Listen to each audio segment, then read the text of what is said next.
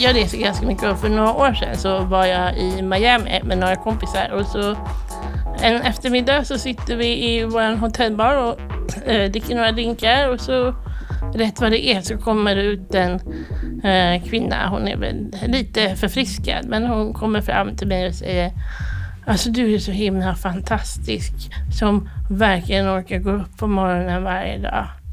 Och jag bara tittar på henne och säger så här, vet du, jag tycker att du är så himla fantastisk du också, för jag fattar inte hur du riktigt kommer upp på morgonen varje dag.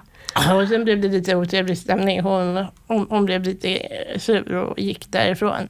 Ja, hur tänker ni nu? Det är det enda man vill säga. Och hur duktig du är, Karo. Ja, det, det är så himla konstigt, för i, i Sverige beter sig liksom inte folk på det sättet. Alltså, självklart finns det ju människor som uh, beter sig uh, annorlunda, men just det här att man tycker den här duktighetsstämpeln, det är någonting som uh, amerikaner är väldigt duktiga på att säga så här, åh du, du är så duktig som pratar så bra engelska, eller åh du är så duktig som är ute och reser på egen hand och åh är det dina döttrar du är ute och reser med? Gud vad snälla de är som tar hand om dig. Och jag säger varje gång så här, nej de är inte snälla, de får jävligt bra betalt för att få med, åka med på semester på jobbet, men visst. Jo men visst händer det här i Sverige.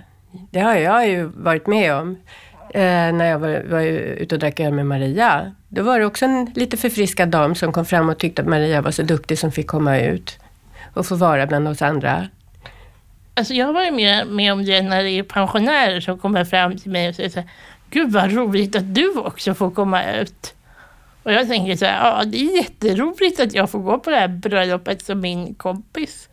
Det är hennes bröllop så det får jag verkligen hoppas att jag får vara med på. Men det är jättekul att jag faktiskt får, får vara med. Det är självklart, är det så. Vi behöver en podd du och jag, eller hur? Vi måste göra en podd om sådana här saker. För det är ju ingen som pratar om det annars. Jag tycker absolut att vi ska göra en podd. Den borde ju heta Hur tänker du nu? Ja, eller hur tänker ni nu? Hur tänker ni nu? Podden. En podcast från DHR kommer snabbare än ni anar. Absolut.